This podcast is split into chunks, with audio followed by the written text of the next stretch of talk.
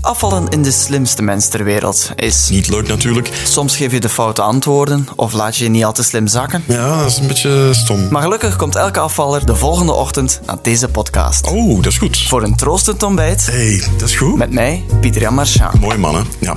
We blikken terug op zijn of haar deelname Amai. en op de leukste momenten uit de quiz van de avond ervoor. Leuk hè?